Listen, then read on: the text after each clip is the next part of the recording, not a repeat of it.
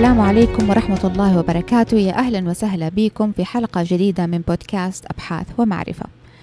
اتكلمنا قبل كده في الحلقات السابقة عن عرض الأدبيات والمراجع وكيف نرتبها. مثلا في بريزما تشارت وش الجدول اللي نستعمله عشان نقدر نستخلص المعلومات. أتمنى إنكم في مرحلة ما حتكونوا خلصتوا واتخرجتوا ودحين جاء الوقت إنه إحنا مثلا نبغى ننشر الورق ده. نبغى ننشر بحثنا. نبغى نوري الناس قد إيش إحنا ناس مبدعين وكويسين ونقدر نغير العالم كله. فلو كنتوا في المرحلة دي فكملوا معاي الحلقة.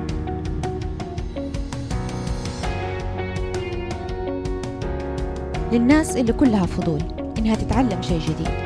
الناس اللي حابة إنها تبحر وسط الصعاب عشان توصل للحقيقة إلا في آخر الطريق. ولإني زيكم أحب العلم واستمتع بجلستي في كرسي الدراسة راح أهديكم البودكاست ده اللي يتضمن خلاصة تعريفية بالأبحاث العلمية. بودكاست علمي والأهم إنه باللغة العربية.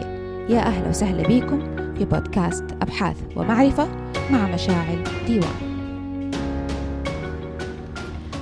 طبعا قبل ما أتكلم عن طريقة طرح الورقة البحثية واللي هي ال literature review عرض الأدبيات في الورقة البحثية عشان اللي ما سمع الحلقات اللي قبل كده حاعطيكم بس مختصر عن عرض الأدبيات في رسالة الدكتوراه. عرض الأدبيات والمراجع لبحث الدكتوراه هذا عملية معقدة جدا. يعني حتى في البودكاست أنا اضطريت أقسمه لثلاثة حلقات مختلفة. وكان ممكن أزود بس حسيت إنه خلاص دخلنا في مرحلة تكرار وأنا بصراحة يعني حسيت إنه أنا لازم أوقف شوية وأعطي الناس بريك طبعا أنت كطالب دكتوراه مطلوب منك إنك تكون شامل وتجمع كل حاجة عن الموضوع ده. فبحيث انه هي في النص يكون موضوعك وإنت لازم تلم بكل الجوانب حوالين النقطة هذه. هذه في مرحلة الدكتوراه. طبعا غالبا ما يسأل طالب الدكتوراه ترى كم عدد المراجع اللي أنا لازم أحطها. هل آه، في عدد معين؟ هل في عدد صفحات معينة؟ طبعا الكلام هذا ما هو محسوب. بعض الجامعات تحدد لما تيجي تقروا الجايد لاينز اللي هي التعليمات تبع الجامعة وطريقة كتابة الأطروحة حتلقوا إنه يكتبوا لكم مثلا آه، هل في آه، عدد مسموح به أو إنه ممكن تاخذ راحتك ويكون بينك وبين المشرف. فدائما أرجع للمشرف. دائما من غير ما يعني بصراحة لا تهمل في الشيء ده. طبعا لما نجي نكتب الأدبيات لمرحلة الدكتوراه حيكون زي ما قلت لكم بجزء شامل وقد ما تقدر قد ما تقدر تحط المراجع الحديثة الجديدة. مو أكثر من خمس سنوات ما يكون عمرها أقدم من خمس سنوات. لكن أوقات نضطر نحط حاجة أقدم من كذا ليه؟ لأنه أساسا موضوعنا الناس أهملته. الباحثين اللي قبل كده أهملوه. ما يعني لأي سبب من الأسباب. أو إنه أساسا فكرتك جديدة وما في أحد قبلك اتكلم عنها.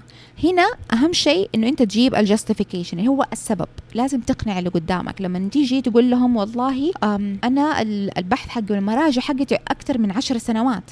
طيب ليه؟ لازم تقنعهم ولازم تكون حجتك قوية.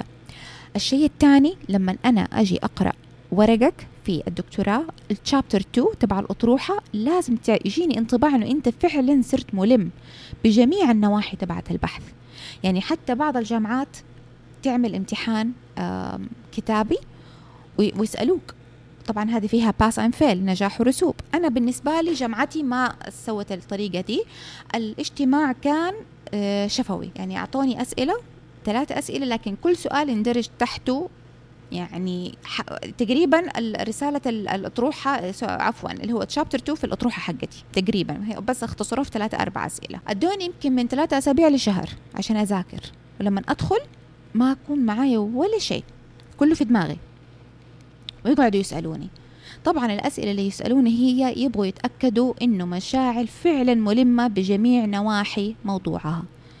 ما يسألوا سؤال وأجي أنا أوقف أقول أنا ما أعرف أنا ما قرأت. لا حتى لو ما كنت عارفة لازم يكون عندي سبب مقنع ووجيه إن أنا ماني عارفة الإجابة دي. كتابة طبعا الأدبيات تعتبر من أطول وآسف إني أقول من أصعب المراحل في كتابة الأطروحة للدكتوراه.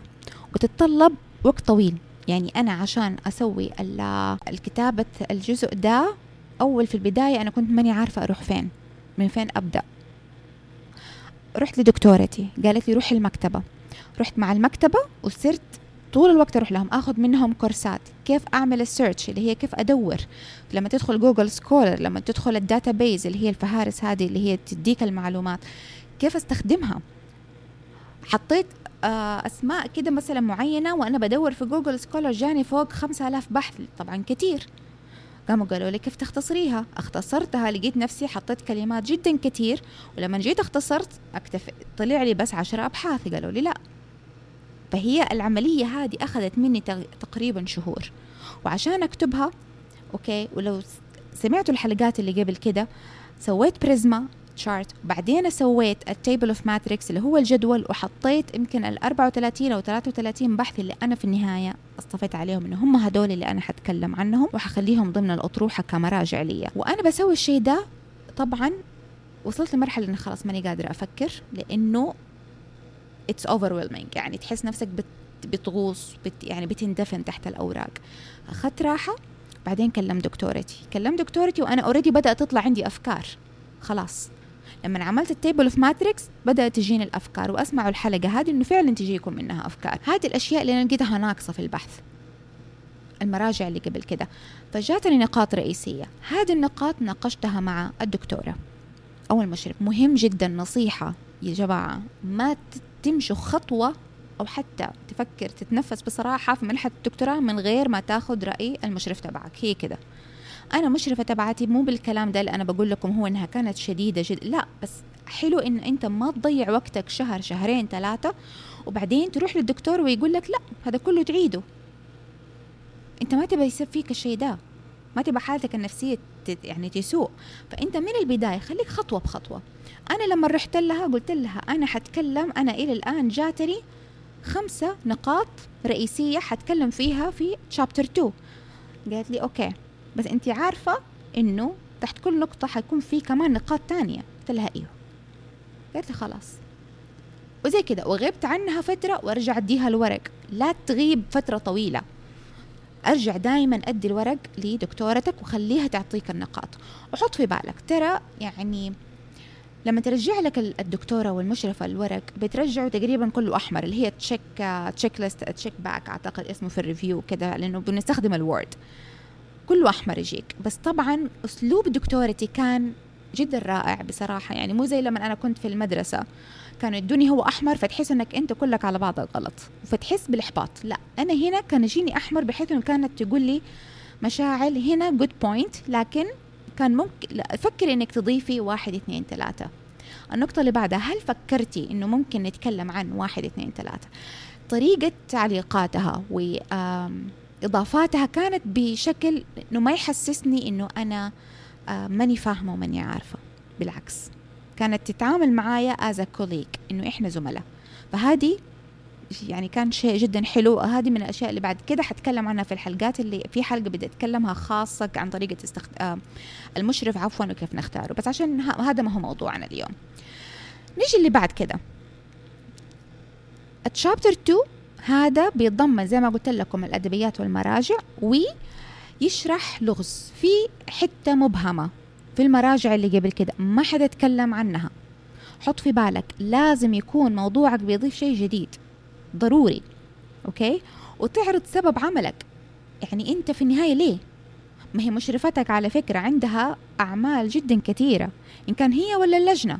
طب ليش أنا أضيع وقت وجهد إني أنا على عمل طالب هو حتى ما هو عارف هو ليش يبي يسوي الشغل ده. لازم تكون عارف لازم يكون عندك دائما الجاستيفيكيشن الجزء ده بينكتب بشكل بلاغي. هذه قصة. تخيل نفسك بتقرأ رواية وتحكيها للناس. بتقول إنه في مشكلة في المجتمع في مشكلة في قطاع معين في مشكلة في أي حتة بغض النظر عن الشيء اللي أنت بتدرسه. وإحنا نبغى آه لقينا إنه في بعض المناطق هذه مبهمة. طب هذا السؤال البحثي. تخيل نفسك زي ما قلت لك بتقرأ قصة وتكون ممتعة وأنت لازم اللي يقرأ كلامك بعد كده يشد إنه هو يكمل النهاية. احتمال تكتب أنت صفحتك. يعني أنا اطروحتي كانت كلها على بعضها يمكن بصراحه ما كانت طويلة. يمكن كانت 300 صفحة. لكن أنت متخيل إنه واحد يضيع وقت يقرأ 300 صفحة في كلام ما هو ما هو شيق وما هو حلو إنه الواحد يكمله. مو ما هو حلو as content أنا عارفة كل واحد فيكم حيكون عنده فكرة حلوة لكن طريقة الكتابة هذا الشيء لازم تنتبهوا له. طبعا أنت حتجمع يعني أنا يمكن في الأطروحة حقتي حطيت زي ما قلت لكم 300 يمكن هي 300 صفحة بس فوق آه قريب 600 بحث أو مرجع. والله ناسية بس إنها كانت كثير. يا ترى هل حسوي كل الشيء ده لما أجي دحين بدي أنشر الورق كورقه علمية في المجلات؟ لا طبعا. اولا اولا آه طريقة العرض مختلفة. ده رقم واحد. رقم اثنين عندك عدد كلمات محددة. يعني عادة يقولوا لك مثلا 3000 كلمة للبحث كامل من البداية للنهاية. بعضهم يكونوا كرمة بصراحة ويقولوا لك 4000 أعتقد أعتقد آه بس عشان ما عندي خبرة في النوع ده من الأبحاث اللي هو الأبحاث المختلطة يمكن يعطوك مجال من 4500 ل 5000 كلمة لأنها مختلطة بس. لكن غير كده أنت محدد. وبعدين 3000 قلت لك المقال كامل. فأنت يعني لازم يكون الجزء ده آه يسموها precise and concise. يعني خير الكلام ما قل ودل. يكون شامل لكن في البداية أنت تشرح لي الأدبيات اللي قبل كده. هذا تكلموا عنه واحد اثنين ثلاثة. هذه النقطة ما تكلموا عنها هي هذه ال gap. أنا هذا اللي حغطيه بالدراسة الحالية اللي أنا حاعملها وهذا ال research question اللي هو السؤال البحثي اللي أنا حجاوب عليه. هي كده تكون جدا مختصرة. بس مو مختصر بحيث إنه ما يعطيني قصة. لازم يكون مختصر بس بس إنه عفوا آه يعطي فكرة وأهمية للقارئ إنه هو أوكي والله فعلا إحنا لازم نكمل البحث هذا هذا فيه فكرة جديدة. طبعا كطالب بنحس إنه إحنا بصراحة حتة كيف أقول؟ مو غرور لكن تبغى تطلع كل اللي عندك. يعني أنا ضيعت سنين عشان أكتب الكلام ده كله فأنا كله أبغى أنشره. أوكي معاك حق. أو ما بقول لك لا تنشر الكلام ده لكن فرقها في آه كذا ورقة بحثية مو ورقة واحدة. حط في بالك لأنه التشابتر 2 عادة أو الرسالة حقتك ترى ممكن يطلع منها أربع خمسة اوراق علميه ما هو شيء واحد. فلا تستعجل. ولأنه لو حطيت كل شيء ما حيكفيك المساحة تبعت الورقة العلمية. الشيء الثاني تختار موضوع. المقال البحث عفوا اللي حتنشره على حسب ال audience واللي هم الناس اللي حيسمعوك أو على حسب اهتمام المجلة. يعني أنا من سؤالي البحثي طبعا لو أنتم سمعتوا الحلقات اللي قبل كده أنا كانت رسالتي عن جودة الحياة عند مريضات سرطان الثدي في المملكة العربية السعودية. أنت بس من العنوان حيجيك already فكرة. أول شيء جودة الحياة معناها كل المجلات احتمال اللي هي مهتمة بجودة الحياة. هذه رقم واحد. هذه أول مجلات ممكن تهتم بالبحث تبعي. النوع الثاني اللي هي breast cancer سرطان الثدي أو السرطان بصفة عامة. هذه المجلات الثانية. المجلات الثالثة اللي هي في العالم العربي احتمال اللي تكون مهتمة بال سواء ال international أو بالمجلات اللي هي في آسيا احتمال. نيجي للنقطة اللي بعد كده. ال audience يا ترى مين اللي حيسمعنا؟ هل بتنشر كلام يا ترى مين القراء تبعون المجلة دي؟ كيف حنعرف؟ كيف حتعرف تقول طب مين اللي حيقرأها؟ أنا ما أعرف. حتعرف لما تيجي تدخل على المجلة العلمية دي وتشوف العينات اللي هم حاطينها ونوعيات النشر. أقرأ الكلام. حتشوف من خلال الكلام. يا ترى هل هو بشكل بسيط جدا بحيث اللي حيسمع اللي حيقرأ الكلام ده بيكونوا عادة ال nurses اللي هم ال front line اللي هم بيشتغلوا bedside اللي هم في المستشفى أو الطلبة أو بشكل جدا معقد بحيث إن هم بيخاطبوا ال professors اللي هم الدكاترة والأكاديميين والباحثين. هذه حتنتبه لهم ترى من خلال ال tone تبع الكلام. فأنت حتعرف يا ترى هل المجلة هذه مناسبة لي ولا لا. okay؟ بعدين حسب يا ترى هل تناسبك. في بعض المجلات يعني أنا ممكن قلت لكم قبل كده نطرح عفوا ممكن بس ننشر اللي هو الجزء تبع عرض الأدبيات. ترى في إمكانية إنك تعمل الشيء ده لكن في بعض المجلات العلمية ما تنشر ال literature review فعشان كده أنت من البداية. اختار وبناء على المجلة أنت تقدر تعمل tweak وتغيير ل زي التقنين للأطروحة تبعتك بحيث إنها تناسب المجلة. هذا الشيء حطه في بالك. طبعا أنت لازم تحط في بالك يا ترى أنا كمؤلف تبع الدراسة يا ترى لما أجي أنشر بحثي هل حأنشر من وجهة نظر من وجهة نظرية اللي هي فيها إطار نظري؟ وإنه مثلا أنا استخدمت إطار نظري ودراستي دعمت الفرضيات اللي في الإطار النظري ولا عملتها بشكل تجربة إنه أنا يعني في علاج وبشوف مثلا نتيجته أو استفسار؟ يعني أنا مثلا دراستي كان فيها استفسار اللي هي what are the predisposing factors for quality of life in uh, عفوا health related quality of life in breast cancer patients. اللي هي إيه هي العوامل اللي بتأثر على جودة الحياة؟ أنا هنا بستفسر. هذا برضو لازم تكون واضح وصريح واضح فيه من البداية. ولما أنت تكون واضح فيه من البداية وتحط السؤال ده أنا كقارئ يعني بعدين لازم أشوف في ال result النتيجة وال conclusion إنك بتجاوب على السؤال اللي أنت حطيته. لازم يكون في ترابط. مو تحط لي سؤال وبعدين تجي في النتيجة تجيب لي كلام أنت طب أنت أساسا ما تكلمت عن ده هذا جاء من فين جاء ده؟ أنت تكون already عشانك جوة البحث تبعك وهذا الكلام أنت تكلمت عنه في ال chapter 2 اللي هو الفصل الثاني من الأطروحة. تقوم تحسب انه أوكي ترى أنت شرحته لا أنت ما تكون شرحته. انتبه للشيء ده. فعشان كده أعطي ورقك لزميل يقرأه. وما يكون زميل قرأ شغلك قبل كده. أحد يكون نوعا ما شوية بعيد عنده خبرة في الأبحاث لكن ما يكون قرأ الورق ده. طبعا لازم وبرغم إنه عرض الأدبيات في المجلات العلمية لما تيجي آه، تنشر بيكون قصير زي ما قلت لك. لكن بالرغم من ده لازم تعرف كيف تتعامل مع الأدبيات اللي قبل كده. يعني قلت لكم تيجي نيجي نتكلم مثلا مثلا إنه الأدبيات والمراجع اللي قبل كده أتكلموا عن واحد اثنين ثلاثة. مثلا في ال quality of life جودة حياه آه، آه، المريضات طبعا سرطان الثدي في السعودية. بعدها أجي أقول بس في gap الأبحاث اللي قبل كده ما تكلمت عن واحد اثنين ثلاثة. أنا دراستي حتعمل الشيء ده. هذا اللي حتزيده.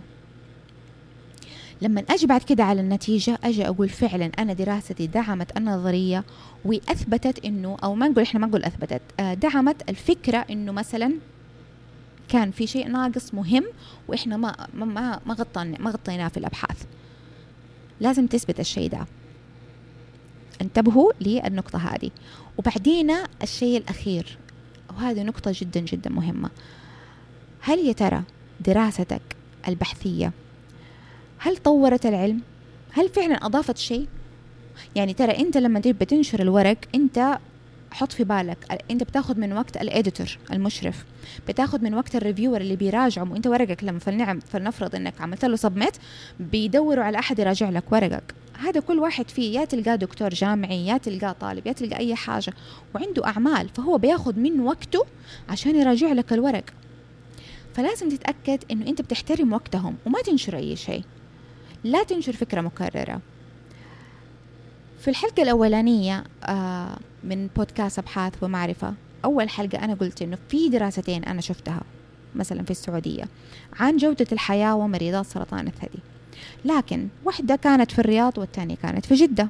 هذا okay اختلاف المناطق الجغرافية واحتمال يأثر واحتمال يعني تدين النتيجة مختلفة. لكن اللي لقيته إنهم الاثنين درسوا آه تأثير ال demographics على ال outcome demographics اللي هي زي السكس زي الجندر مثلا ذكر أو انثى الحالة الاجتماعية الحالة المادية الحالة التعليمية آه مرج آه درجة تطور المرض نوع العلاج والأشياء هذه. هذه demographics أو اللي هي related factors نسميها. لكن ما درسوا أشياء جديدة. فالدراستين كانت زي بعض البحثين كانوا زي بعض. طبعا لما أنا جيت وبعدين فرق السنوات بينهم كان قليل. فأنا لما جيت طب إيش الفرق؟ إيش إيش الفرق بين جدة والرياض؟ يعني أوكي واحدة العاصمة والثانيه في الغربية لكن إيش الفرق بيننا؟ ترى جدة والرياض مثلا يعتبروا من أكبر من مدن المملكة العربية السعودية هذا رقم واحد. الإثنين فيهم أكبر مراكز الأورام هذا رقم اثنين. طيب آه الاثنين مثلا بيجيهم الدعم على طول مثلا من وزارة الصحة الأدوية على طول بتجينا. عندنا اللي هي البيت سكان مثلا عشان يستعملوها مع مرضى الأورام. هذه موجودة في الرياض موجوده حتى في جده لكن طب إيش الجديد؟ الاثنين مدارس عفوا مستشفيات حكومية. يا جماعة طب ما هو ما فيش فكره ما أنتم ما ضفتوا لي شيء. يعني أنا بالنسبة لي صاير كأنه الاثنين والله بس أنا بدي أنشر وخلاص. هذه الرسالة اللي جاتني.